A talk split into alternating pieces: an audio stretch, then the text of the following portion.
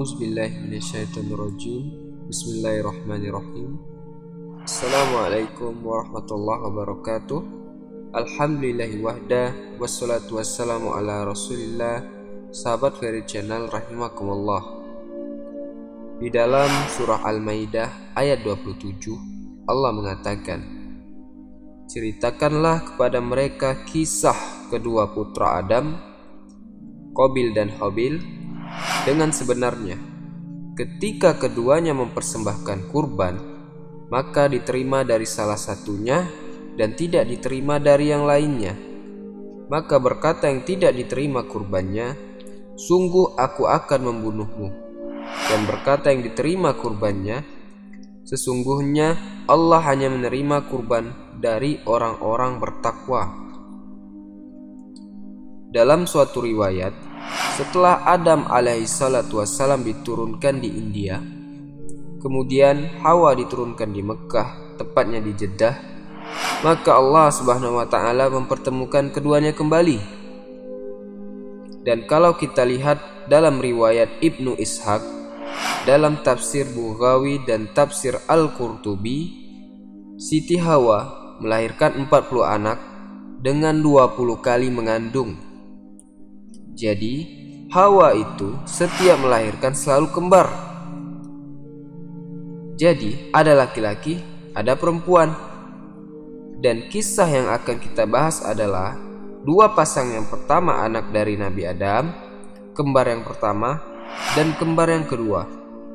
Kobil kembarannya ialah Iklima yang berwajah cantik, dan Habil kembarannya bernama Labuda. Nah, wajah Labuda ini kurang menarik setelah anak Nabi Adam ini mulai dewasa, Allah perintahkan kepada Adam, nikahkan anakmu Adam dengan cara silang. Maka kalau dengan cara silang, Habil nikah dengan Iklima yang cantik, Qabil menikah dengan Labuda yang jelek. Di sinilah mulai perseteruan. Qabil mulai tidak senang. Tidak bisa ayah, aku lebih berhak dengan kembaranku daripada Habil. Udahlah ya, lebih baik kami nikah dengan kembaran kami masing-masing saja. Inilah penyakit yang pertama kali muncul di bumi, penyakit hasad. Hasadnya Kobil kepada Habil. Kemudian Nabi Adam memohon kembali kepada Allah Subhanahu wa taala dan Allah memberikan solusi yang kedua, yaitu menyuruh mereka berkurban. Maka turunlah syariat untuk kurban Walaupun saat itu belum ada satu orang pun kecuali mereka saja, tapi mereka tetap bekerja dengan giat. Habil adalah peternak kambing dan Kobil adalah seorang petani. Di sini ada perbedaan antara kurban mereka berdua. Kobil ini dia petani, tetapi ketika untuk berkurban dia pelit. Dicarinya gandum dia yang kualitasnya buruk. Itu yang dikurbankan oleh Kobil. Di situ kan Allah menyuruh mereka kurban kalian letakkan di atas bukit. Karena waktu itu juga tidak akan ada yang makan kurban mereka. Kobil ini pelit, bayangkan untuk mendapatkan sesuatu yang baik secara duniawi, dia kurbannya gandum kualitas buruk, tidak layak. Sementara Habil, sekalipun bukan untuk dimakan kambing itu, tetapi dia cari kambing yang terbaik Lalu dia letakkan di atas bukit. Mereka pun meletakkan kurban mereka masing-masing di atas bukit. Tak lama kemudian maka Allah mengirim api untuk menyambar kurban Habil. Tandanya apa?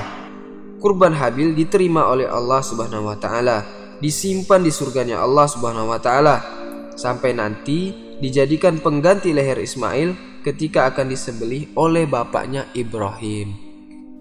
Jadi, ini termasuk kambing yang tidak punya induknya tapi berjalan di muka bumi. Karena dia disimpan di surga bukan berada di dunia. Setelah melihat kurbannya tidak diterima oleh Allah, tambah sakit hati Kobil ini. Akhirnya dia pun mengancam Habil. Apa kata Kobil di dalam surah Al-Maidah ayat 27? Allah abadikan yang artinya ceritakanlah kepada mereka kisah kedua putra Adam, Kobil dan Habil dengan sebenarnya Ketika keduanya mempersembahkan kurban, maka diterima salah satunya dan tidak diterima dari yang lainnya. Maka berkata yang tidak diterima kurbannya, sungguh aku akan membunuhmu. Nah, mulai timbul rasa dengki, iri hati, dan berkata yang diterima kurbannya, sesungguhnya Allah hanya menerima kurban dari orang-orang yang bertakwa. Dia nasihatkan kepada Kobil, kalau kau bunuh aku, kau akan jadi penghuni neraka Kobil. Sungguh, kalau kau menggerakkan tanganmu untuk membunuhku, sekali-kali aku tidak akan menggerakkan tanganku untuk membunuhmu. Aku tidak akan membalas. Padahal dalam riwayat, Habil ini orangnya besar, kekar, lebih kuat daripada Kobil. Kalaupun keduanya bergulat, pasti kalah Kobil ini. Wallahu alam. Ini akhafullaha karena saya takut kepada Allah, Rabbal alamin Rob yang menguasai alam semesta ini. Dan disebutkan oleh Al-Imam Ibnu Katsir rahimahullahu taala dalam kitabnya Al-Bidayah wan Hinayah. Beliau mengatakan, ketika sewaktu-waktu Habil ini telat pulang, saat itu Adam alaihissalam memerintahkan Kobil untuk mencari Habil. Kobil pun mencari Habil. Rupanya, sewaktu dia mencari, dia melihat abangnya yang sedang tertidur. Karena Habil ini keletihan habis mengembala kambing-kambingnya. Maka Habil pun segera mengambil batu, batu yang besar, kemudian dia lemparkan di kepala Habil hingga terbunuhlah Habil ini. Ini adalah kematian pertama yang terjadi di muka bumi dan kejahatan pertama yang dilakukan manusia. Inilah dosa jariah, dosa yang akan Kobil terima terus mengalir bahkan hingga hari kiamat. Sebab setiap manusia yang membunuh dosanya juga mengalir kepada Kobil, karena Kobil lah yang mencontohkan pembunuhan untuk pertama kalinya. Nah, ketika Habil meninggal, Kobil pulang seolah-olah ia tak bersalah. Ketika itu lama sekali Adam kehilangan Habil, akhirnya Kobil itu mulai diliputi rasa takut dan menyesal. Kemudian dia pun pergi meninggalkan Nabi Adam alaihissalatu wassalam. Dia ambil lagi jasad Habil, kemudian dia bawa ke sana kemari. Ada yang mengatakan dalam sebuah riwayat sampai bertahun-tahun. Artinya Allah Subhanahu wa taala rawat jasad Habil tidak musnah dimakan tanah. Bertahun-tahun Qabil kebingungan harus aku apakan jasad ini. Sampai akhirnya Allah mengirimkan dua burung gagak yang bertengkar. Kemudian yang satunya mati, burung gagak pun menggali lubang untuk mengubur gagak satunya. Dari situlah kemudian terinspirasi si Kobil ini untuk menguburkan Habil. Dari situlah kemudian Kobil menguburkan Habil. Nah, inilah awal penguburan di dalam tanah.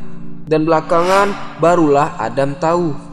Singkat kisah, kemudian Nabi Adam alaihissalatu wassalam pun dicabut nyawanya oleh Allah subhanahu wa ta'ala. Dan dialah Nabi yang pertama wafat di permukaan bumi. Nah, ketika Adam alaihissalatu wassalam wafat, maka mulailah beranak pinak keturunannya yang ada di bukit. Dan Kobil pun beranak pinak keturunannya yang ada di lembah. Dari sinilah Allah Subhanahu wa taala mulai memisahkan mana orang yang baik dan mana orang-orang yang jahat. Sampailah kemudian Allah mengutus seorang nabi, ialah Nabiullah Syeds alaihi salatu wassalam. Nabiullah Syeds masih putranya Nabi Adam alaihi salatu wassalam. Dalam bahasa Arab itu hibatullah Allah hadiahkan kepada Adam pengganti Habil ini seorang nabi yang namanya adalah Syeds. Dan Allah memberikan 50 lembar sahifah kepada Syeds. Makanya ada hadis yang mengatakan Allah menurunkan kitab dari langit itu sebanyak 104 kitab. Yang empat ma'ruf, Taurat, Jabur, Injil, dan Al-Quran. Sedangkan yang 100 itu disebut suhuf. Nah, Syeds ini diutus oleh Allah Subhanahu wa taala sebagai pengganti Nabi Adam mulailah Syeds berdakwah, berdakwah dan berdakwah sampai ketika Kobil meninggal dunia. Ketika Kobil ini meninggal dunia, syaitan ini tidak membiarkan jasadnya begitu saja. Tapi syaitan menjadikan momentum meninggalnya Kobil ini menciptakan sebuah kemaksiatan baru. Jadi, ketika kematian Kobil itu, syaitan menjelma menjadi orang soleh Kemudian mendatangi kabilahnya Qabil ini dan mengatakan, "Kalian tidak boleh langsung menguburkan bapak kalian Qabil, tetapi hendaklah kalian muliakan dulu. Biarkan jasadnya dulu, jangan langsung dikuburkan. hormati dong kematiannya. Dari situlah iblis yang menjelma menjadi manusia ini menciptakan alat musik, ya, namanya seruling, mizmar. Makanya Rasulullah mengatakan suara seruling itu suara syaitan. Nah, iblis ini menciptakan suara seruling. Dia yang menciptakan seruling, kemudian dia tiup. Kobilah yang di atas bukit ini tidak pernah turun ke bawah karena dilarang. Begitu juga kobilah yang di lembah dilarang juga untuk naik ke atas. Jadi tidak pernah ketemu tuh bertahun-tahun. Yang di atas tidak pernah ketemu yang di bawah. Begitu juga kobilah yang di bawah tidak pernah ketemu yang di atas. Rupa mereka seperti apa wallahu alam. Tapi Allah takdirkan karena Kobil ini istrinya cantik, maka wanita-wanitanya semuanya cantik keturunannya. Sementara yang di atas rata-rata wanitanya kurang cantik, tetapi anak mudanya tampan-tampan. Maka ketika mendengarkan suara seruling, aneh bagi mereka, tidak pernah mereka mendengar suara lagu, suara musik, instrumen dari seruling itu tidak pernah mereka dengar sebelumnya. Tapi kok rasanya aneh? Dari situlah mereka penasaran, dicarilah sumber suara tersebut. Jadi, yang dari atas turun dan yang dari bawah naik. Ketemulah dua kabilah ini, maka wanita yang cantik memandang anak-anak muda yang tampan dan begitu juga sebaliknya, mereka saling memandang. Nah, dari sinilah mulai terjadi perzinahan. Dari hasad, pembunuhan, kemudian perzinahan dan diawali musik. Makanya, musik, zina dan kamar ini tiga serangkai yang tidak dilepas. Nah, dari sini ketika Nabi Syeds meninggal dunia, maka tugas yang sangat berat diberikan kepada Idris alaihissalatu. Nabi Idris ini diutus ketika rusaknya akhlak. Memang tidak ada kesyirikan di zaman itu. Belum ada. Orang yang kafir belum ada. Orang yang musyrik juga belum ada. Karena kesyirikan itu pertama kali terjadi pada zaman Nabi Nuh alaihissalatu wassalam. Dan itulah setelah 10 kurun atau 1000 tahun. Berarti setelah seribu tahun dari wafatnya Nabi Adam sampai diutusnya Nabi Nuh barulah terjadi kesyirikan. Tapi di zaman Nabi Idris ini, akhlak kedua kabilah itu sudah rusak, sudah rusak sekali. Maka selesailah kisah Habil dan Qabil. Mudah-mudahan video ini bermanfaat. Subhanakallahumma wa bihamdika asyhadu an la ilaha illa anta astaghfiruka wa atubu ilaik. Assalamualaikum warahmatullahi wabarakatuh.